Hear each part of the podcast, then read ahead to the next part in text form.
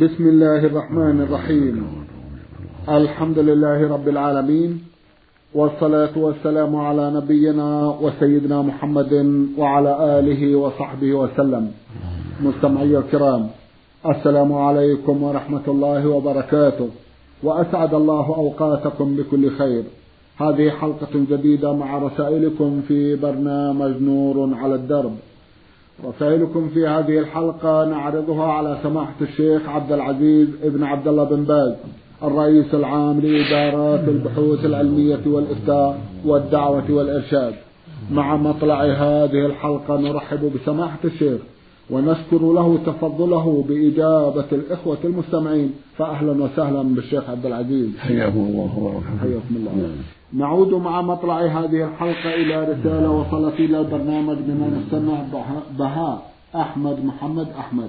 أخونا عرضنا له بعض أسئلة في حلقة مضت وفي هذه الحلقة يسأل سماحتكم فيقول أسألكم عن صديق كان عاقا لوالديه قبل وفاته وبعد وفاته بدأ يصلي له كل يوم ركعتين ويدعو له حتى يكفر عن وضعه ذلكم الذي ذكر. وجهونا هل ما يعمله صحيح. جزاكم الله خيرا. يقول أعرفكم بأن لي صديق كان عاقا لوالده في حياته وبعد وفاته بدأ يصلي له كل يوم ركعتين حتى يكفر عن أخطائه تلك. وجهوا هل ما يعمله صحيح؟ جزاكم الله خيرا. بسم الله الرحمن الرحيم. الحمد لله وصلى الله وسلم على رسول الله وعلى آله وأصحابه من اهتدى بهداه أما بعد فالصلاة الميت ليس لها أصل في الشرع فيما نعلم ولكن يشرع له الدعاء له يدعو لوالده في سجوده وفي الليل وفي كل وقت يدعو له بالمغفرة والرحمة والعفو ورفيع الدرجات ومضاعفة الحسنات يتصدق عنه بما يسر الله من المال يحج عنه يعتمر هذه الطرق الشرعية التي تنفع والده. أما كان يصلي عنه أو يصوم عنه فليس لهذا أصل فيما نعلم. ومما ينبغي الإكثار من الدعاء. الإكثار من الدعاء لأبيك. نعم. جزاكم الله خيرا. نعم. نعم جزاكم الله خيرا. وأحسن إليكم. من إحدى الأخوات المستمعات تقول أختكم في الإسلام دال عين حام من العريش أختنا لها قضية تقول فيها سيدة كانت متزوجة فمات عنها زوجها وترك لها ولدين ولم يترك لها أي مال فتركت الأولاد لأهلهم وتزوجت من رجل آخر وأنجبت منه ولدا وبنتا. ثم قام هذا الرجل الذي تزوجته بكتابة قطعة أرض زراعية لها. فهل يجوز أن تكتب هذه الأرض باسم أولادها من هذا الرجل لأنها أرض أبيهم في الأصل أم تترك الأرض يرث فيها أولادها من الرجل الأول؟ جزاكم الله خيرا. الواجب عليها ترك الأرض للجميع. وليس لها أن تخص أولادها من الزوج الجديد بل الأرض تكون للجميع تعدل بينهم. يقول النبي صلى الله عليه وسلم اتقوا الله واعدلوا بين أولادكم. ولو كانت الأرض من الزوج الجديد. صارت ملكا لها فليس لها أن تعطيه أن تعطيها أحدهم وليس لها أن توصي بها لأحدهم بل للجميع. تبقى في يدها في ملكها ويرثونها عنها أو تقسمها بينهم لا بأس. أما أن تخص بها أحدا منهم فلا. جزاكم الله خيرا وأحسن إليكم. تقول في قضية أخرى فتاة رضعت من امرأة وهي صغيرة رضعتين. وجاء ابن هذه المرأة وأراد أن يخطب هذه الفتاة. مع العلم أنها فتاة رضعت من امرأة وهي صغيرة رضعتين. وجاء ابن هذه المرأة وأراد أن يخطب هذه الفتاة. مع العلم أنها رضعت مع أخيه الأصغر منه فهل يجوز أن تتزوج هذه الفتاة من هذا الشاب أم لا؟ جزاكم الله خيرا. الرضعتان لا تحرم. يقول النبي صلى الله عليه وسلم لا تحرم. الرضعة ولا الرضعتان ويقول صلى الله عليه وسلم لسهل بنت سهيل أرضع سالم خمس رضاءات تحرم عليه. وتقول عائشة رضي الله عنها في الحديث الصحيح كان فيما أنزل من القرآن أشهر رضاعات معلومات يحرمنا. ثم نسخنا بخمس معلومات. فتوفي النبي صلى الله عليه وسلم والأمر على ذلك. فالرضعتان لا تحرمان ولا حرج عليه في الزواج. الحمد لله. لكن إذا ترك هذا من باب الاحتياط لأن بعض أهل العلم يرى الرضع الواحد تحرم من باب ترك المشتبه حسن. يقول النبي صلى الله عليه وسلم دع ما يريبك إلى ما لا يريبك إذا ترك هذا احتياطا عن الشبهة فلا حرج. هذا حسن طيب. نعم. جزاكم الله خيرا وأحسن إليكم. هل إزالة شعر الوجه بالنسبة للمرأة حلال أم حرام؟ وإزالة بعض الشعر من الحاجبين بحيث تساويه فقط وهو مقدار صغير من الشعيرات ليست كثيرة. هل إزالة شعر الوجه بالنسبة للمرأة حلال أم حرام؟ وإزالة بعض الشعر من الحاجبين بحيث تساويه فقط وهو مقدار صغير من الشعيرات ليست كثيرة. هل هو حلال أم حرام؟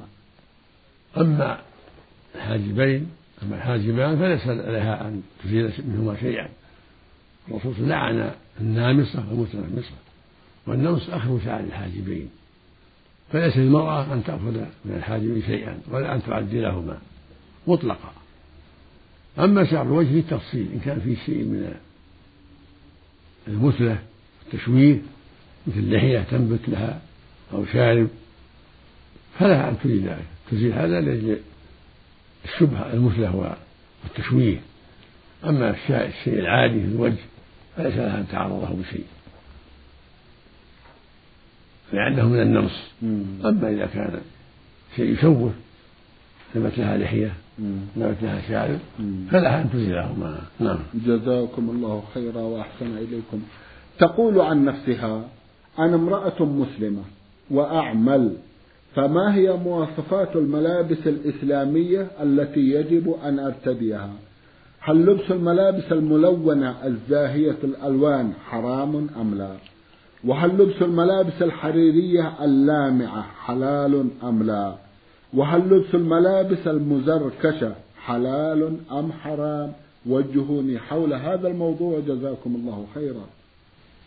إذا كنت بين النساء تلبسي ما يسر الله لك والأولى يكون لباسا معتدلا ليس فيه تكلف ولا شهرة لأن هذا قد يشوش على العاملين معك قد يدعوهم إلى أن يتكلفوا مثلك.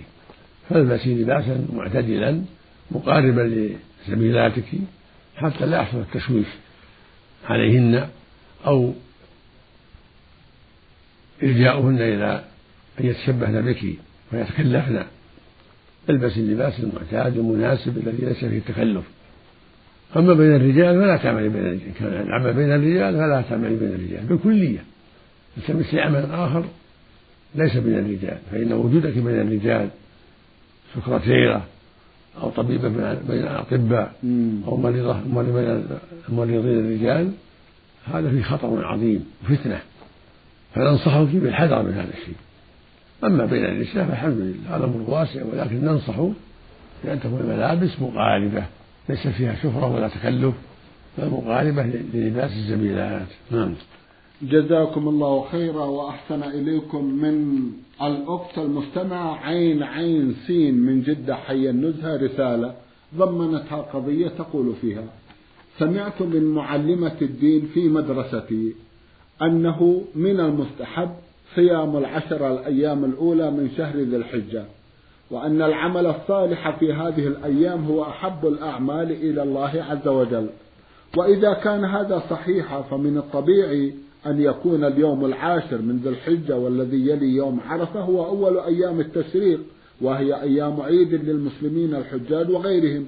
ومما أعلمه هو أنه لا يجوز صيام أيام العيد فما تفسيركم لذلك إن كان يحرم صيامه وهو من الأيام العشر الأولى وما هو اليوم العاشر البديل إن كان لا يصام.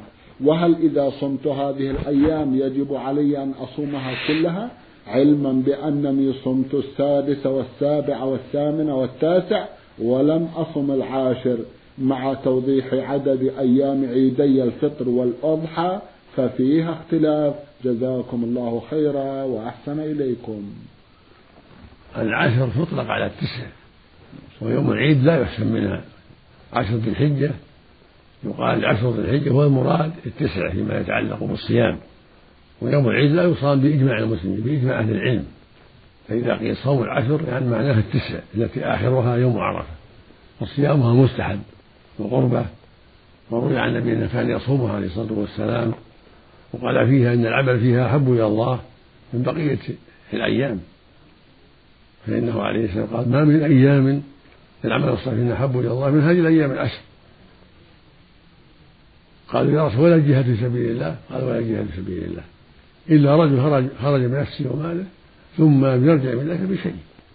فهذه العشر مستحب فيها الذكر والتكبير والقراءة والصدقات منها العاشر. أما الصوم لا ليس العاشر منها. الصوم يختص بعرفة وما قبلها. فإن يوم العيد لا يصام عند جميع أهل العلم. لكن فيما يتعلق بالذكر والدعاء والصدقات داخل في العشر يوم العيد. وأيام العيد ثلاثة. غير يوم العيد. الحادي عشر والثاني عشر والثالث عشر الجميع أربعة. يوم العيد وثلاثة أيام التشريق. هذا هو الصواب عند أهل العلم. يقول النبي صلى الله عليه وسلم أيام التشريق أيام أكل وشرب وذكر الله عز وجل. فهي أربعة بالنسبة إلى هذه الحجة. يوم النحر وأيام التشريق الثلاثة. أما في رمضان فالعيد يوم واحد فقط. وهو أول يوم من شوال. هذا هو العيد. وما سواه ليس بعيد له أن يصوم الثاني من شهر شوال. فالعيد يختص باليوم الأول في شوال فقط. نعم. جزاكم الله خيرا. وبالنسبة للأضحى جزاكم الله خيرا. أربعة ما تقدم. أربعة. عيد الأضحى أربعة أيام. يوم العاشر نعم. والحادي عشر الثاني عشر والثالث. هذه كلها أيام عيد. طيب. لا تصام. طيب. إلا أيام التشريق. تصام بالنسبة إلى من عجز عن الهدي هدي التمتع والقرآن. نعم. رخصة خاصة. نعم. لمن عجز عن الهدي هدي التمتع والقرآن أن يصوم الثلاثة التي هي أيام التشريق الحادي عشر والثاني عشر والثالث عشر. ثم يصوم السبعة في أهله في بين أهله. أما يوم العيد فلا يصام لا عن هدي ولا عن غيره. بإجماع المسلمين. نعم. جزاكم الله خيرا. أما في أما عيد الفطر فهو يوم واحد فقط. نعم يوم واحد فقط. جزاكم الله خيرا وأحسن إليكم. تذكر سماحة الشيخ أنها صامت بعض أيام العشرة من ذي الحجة فتذكر أنها صامت مثلا السابع والثامن والتاسع. ما هو توجيه تقول إنها صامت بعض أيام العشر الأول من شهر ذي الحجة. لا معنى. الحمد لله. إذا صامت السابع والثامن والتاسع لا حرج. أو صامت أكثر من ذلك. المقصود أنها أيام. أيام أيام ذكر وأيام صوم. فإن صامت التسعة كلها هذا طيب وحسن. نعم. وإن صامت بعضها فكله طيب. وإذا اقتصرت على صوم عرفة فقط فهو أفضلها يوم عرفة. هو يوم عرفة اللي قال فيه النبي صلى الله عليه وسلم. إن صوم عرفة أحتسب على الله يكفر به السنة التي قبله والتي بعده. يوم عظيم. يستحب صيامه لأهل الحضر والبدو جميعا يوم عرفة.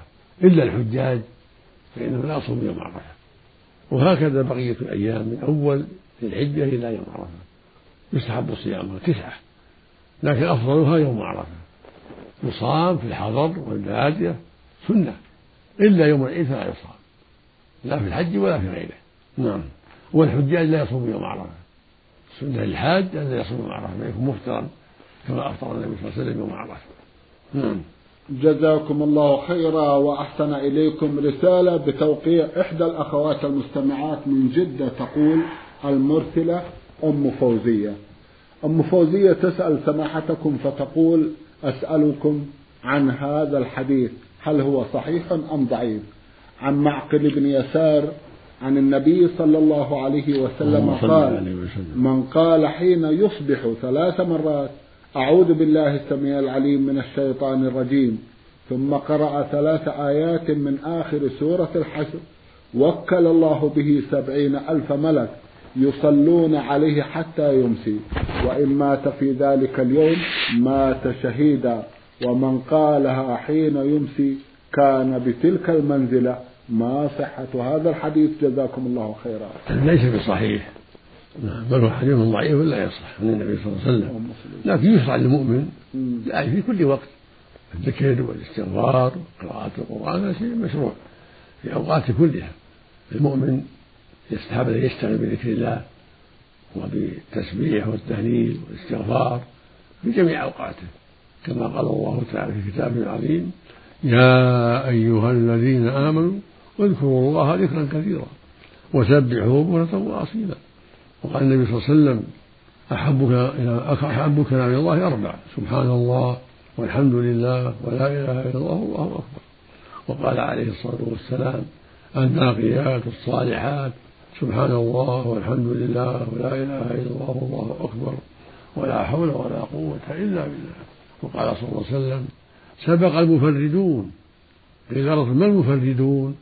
قال الذاكرون الله كثيرا والذاكرات. فالذكر مطلوب في جميع الأوقات ليلا ونهارا استمر الحذر في البيت وفي الطريق وفي المسجد وفي غير ذلك. من ذلك ما ذكر سبحان الله والحمد لله ولا إله إلا الله والله أكبر ولا حول ولا قوة إلا بالله. سبحان الله وبحمده سبحان الله العظيم. لا إله إلا الله وحده لا شريك له. له الملك وله الحمد يحيي ويميت وهو على كل شيء قدير. سبحان الله وبحمده سبحان الله العظيم. كل هذا طيب نعم جزاكم الله خيرا وأحسن إليكم. تقول أنا عندما أصلي الشفع وأوتر في بعض الأحيان لا أدعو بعد الركوع من الوتر فقط أسجد ثم أسلم. هل صلاتي صحيحة أم أن هناك غير ذلك؟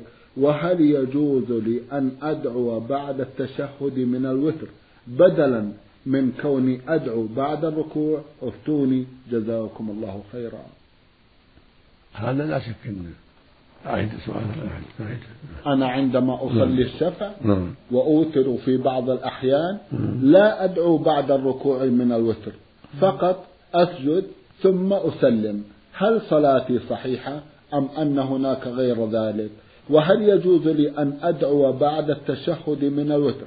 بدلا من كوني أدعو بعد الركوع افتوني جزاكم الله خيرا. القنوت مستحب ليس بواجب لكن يستحب لمن حفظه أن يقنت في الوتر بعد الركوع في الركعة الأخيرة وهي الواحدة التي يوتر بها في أول الليل أو في آخره يقنت بقولها اللهم اهدني فيمن هديت وعافني فيمن عافيت إلى آخره. لأن الرسول علمه الرسول صلى الله عليه وسلم علمه ابن بنته الحسن. وتعليم النبي لواحد تعليم للجميع. فإذا تيسر ذلك فهو أفضل وإلا فلا حرج. والحمد لله. فليس بواجب الحمد لله. وإذا دعا الإنسان بعد التشهد قبل أن يسلم فهذا المستحب أيضا. الدعاء في آخر التحيات قبل أن يسلم. النبي صلى الله عليه وسلم علم الصحابة. لما علموا التشهد قال صلى الله عليه وسلم. ثم ليتخير من الدعاء عجب فيدعو وفي اللفظ الآخر ثم ليختر من المسألة ما شاء. وكان النبي يدعو صلى الله عليه وسلم في صلاته في آخر التحيات قبل أن يسلم. بعد التشهد وبعد الصلاة على النبي صلى الله عليه وسلم يدعو. ويستحب أنه يقرأ التحيات ثم يصلي على النبي صلى الله عليه وسلم ثم يستعيذ بالله من عذاب جهنم من عذاب القبر ومن فتنة المحيا والممات ومن فتنة المسيح الدجال ثم يدعو ما يسر الله من الدعوات الطيبة الواردة عن النبي صلى الله عليه وسلم. مثل اللهم أعني على ذكرك وشكرك وحسن عبادك. اللهم إني ظلمت نفسي ظلما كثيرا ولا يغفر الذنوب إلا أنت. فاغفر لي مغفرة من عندك وارحمني إنك أنت الغفور الرحيم. هذا دعاء عظيم. كذلك الدعاء بما ثبت عن صلى الله عليه وسلم. في البخاري اللهم إني أعوذ من البخل. وأعوذ من الجبن وأعوذ أن أرد إلى أرض العمر وأعوذ من فتنة الدنيا ومن عذاب القبر. كل هذا قبل السلام يستحب. قبل أن يسلم يجتهد في الدعاء. ومن أفضل ذلك ما تقدم. اللهم أعني على ذكرك وشكرك وحسن عبادك للرجل والمرأة. اللهم إني ظلمت نفسي ظلما كثيرا ولا يكون الذنوب إلا أنت. فاغفر لي مغفرة من عندك وارحمني إنك أنت الغفور الرحيم. اللهم إني أعوذ من البخل وأعوذ من الجبن وأعوذ بك أن أرد إلى أرض النور وأعوذ من فتنة الدنيا وأعوذ من عذاب القبر. ومن الدعاء أيضا في آخر الصلاة قبل السلام اللهم اغفر لي ما قدمت وما أخرت وما أسررت وما أعلنت وما أسرفت وما أنت أعلم به مني. أنت المقدم وأنت المؤخر. لا إله إلا أنت. كل هذا حسن. دعوات في آخر الصلاة قبل السلام. أما القنوت فهو مستحب في الوتر في الركعة الأخيرة بعد الركوع ومن تركه فلا حرج عليه. جزاكم الله خيرا وأحسن إليكم. تقول أختنا أنا في بعض الأحيان لا أصوم الثلاثة الأيام البيض لعذر شرعي أو لظروف تحصل لي فأقوم بصيامها من أول الشهر أو من آخر الشهر.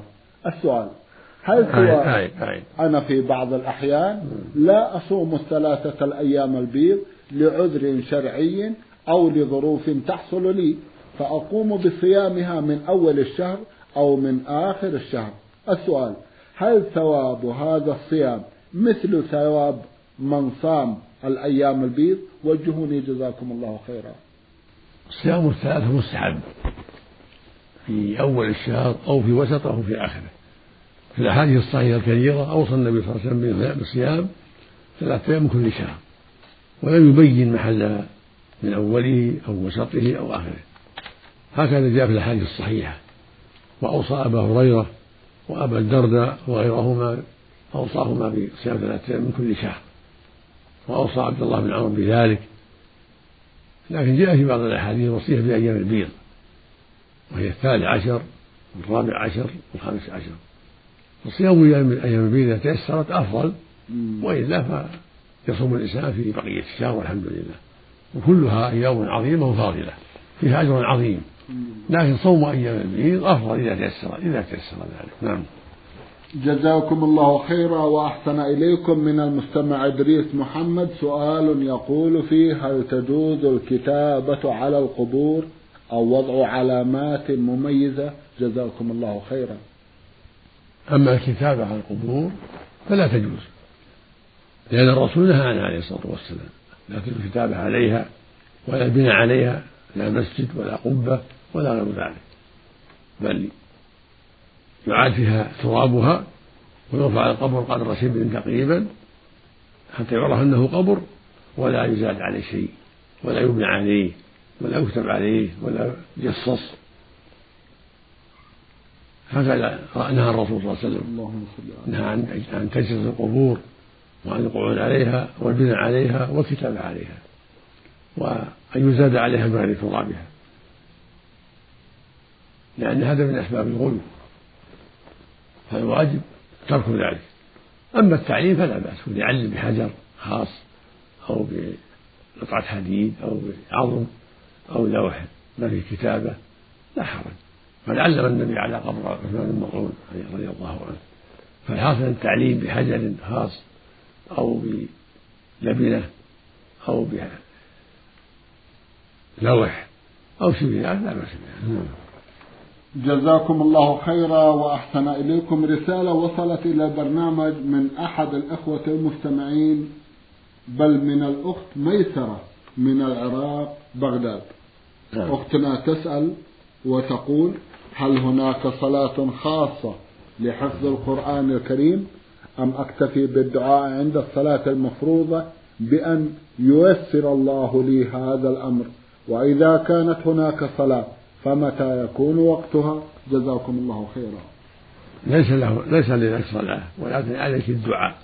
الدعاء والضراعة إلى الله يعينك على حفظ القرآن الكريم وعليك الاجتهاد في حفظه في الأوقات المناسبة. التي يكون فيها القلب فارغا في أول النهار أو في الليل التمسي الأوقات المناسبة. واسأل الله العون على ذلك سبحانه وتعالى. نعم. جزاكم الله خيرا. تقول عند زيارتي لبيت جدي أرى أنهم يعلقون حجرا على الحائط ظنا منهم أنه يمنع الحسد ويسمى لدينا سبع عيون. ولقد أوضحت لجدتي أن هذا شرك بالله وأنه يجب أن يكون التوكل على الله وحده ولا نستعين بغيره إلا أنها لم تأخذ بنصيحتي. وبعد فترة وبدون علم منها أخذته وحطمته. وهي تقول عند زيارتي لبيت جدي أرى أنهم يعلقون حجرا على الحائط ظنا منهم أنه يمنع الحسد ويسمى لدينا سبع عيون. ولقد أوضحت لجدتي أن هذا شرك بالله وأنه يجب أن يكون التوكل على الله وحده ولا نستعين بغيره إلا أنها لم تأخذ بنصيحتي. وبعد فترة وبدون علم منها أخذته وحطمته. وهي حتى الآن لا تعلم من أخذه. فهل علي إثم في عدم إخبارها بأني أنا فعلت ذلك مع مع علمي؟ بأنها ستغضب علي لو قلت لها أنا فعلت ذلك. هل علي أجر هل لي أجر فيما فعلت؟ جزاكم الله خيرا. قد أحسنت في هذا وجزاك الله خيرا ولا تخبريها. لا تخبريها وقد أحسنت في نصيحتها والحمد لله قد أفهمتيها ونصحتيها ولا حاجة إلى إخبارها بمن أزاله وهو يشبه التميمة التي تعلق على الأولاد أو غير الأولاد من باب الشرك الأصغر. لأنه يعتقدون في الحجر هذا أنه ينفع يدفع عنهم العين أو الحسد هذا شيء لا أصل له. بل هو من جنس تعليق التمام على الأولاد من حروز أنها تدفع العين أو تدفع الجن وهذا من الشرك الأصغر هو من المنكر فهذا يشبهه. فقد أحسنت في إزالته. أما لو اعتقد أن أن هذا الحجر وهذه التميمة تصرف في ثوب بغير إذن الله وأنها تنفع وتضر يكون شركا أكبر. لكن في الغالب على الناس أنهم يقصدون أنها سبب. سبب منع العين أو منع الحسد وهذا باطل لا أصل له. لا في التميمة التي تعلق على الأولاد أو غيرهم ولا في الحجر الذي يعلق على باب أو جدار. نسأل الله السلامة. نعم. اللهم آمين. جزاكم الله خيرا. تقول صليت صلاة الفجر وقرأت بعد سورة الفاتحة في الركعة الثانية الجزء الأخير من سورة النبأ وبعد إكمالي للصلاة اكتشفت أنني دمجت مع سورة النبأ آيات من سورة النازعات. عين. صليت صلاة الفجر. وقرأت بعد سورة الفاتحة في الركعة الثانية الجزء الأخير من سورة النبأ. وبعد إكمالي للصلاة اكتشفت أنني دمجت مع سورة النبأ آيات من سورة النازعات. وأنا كنت على يقين بأنني أقرأها بصورة صحيحة وأنا أثناء الصلاة. وسؤالي هو هل علي إثم في ذلك؟ لا حرج لا حرج. الحمد لله.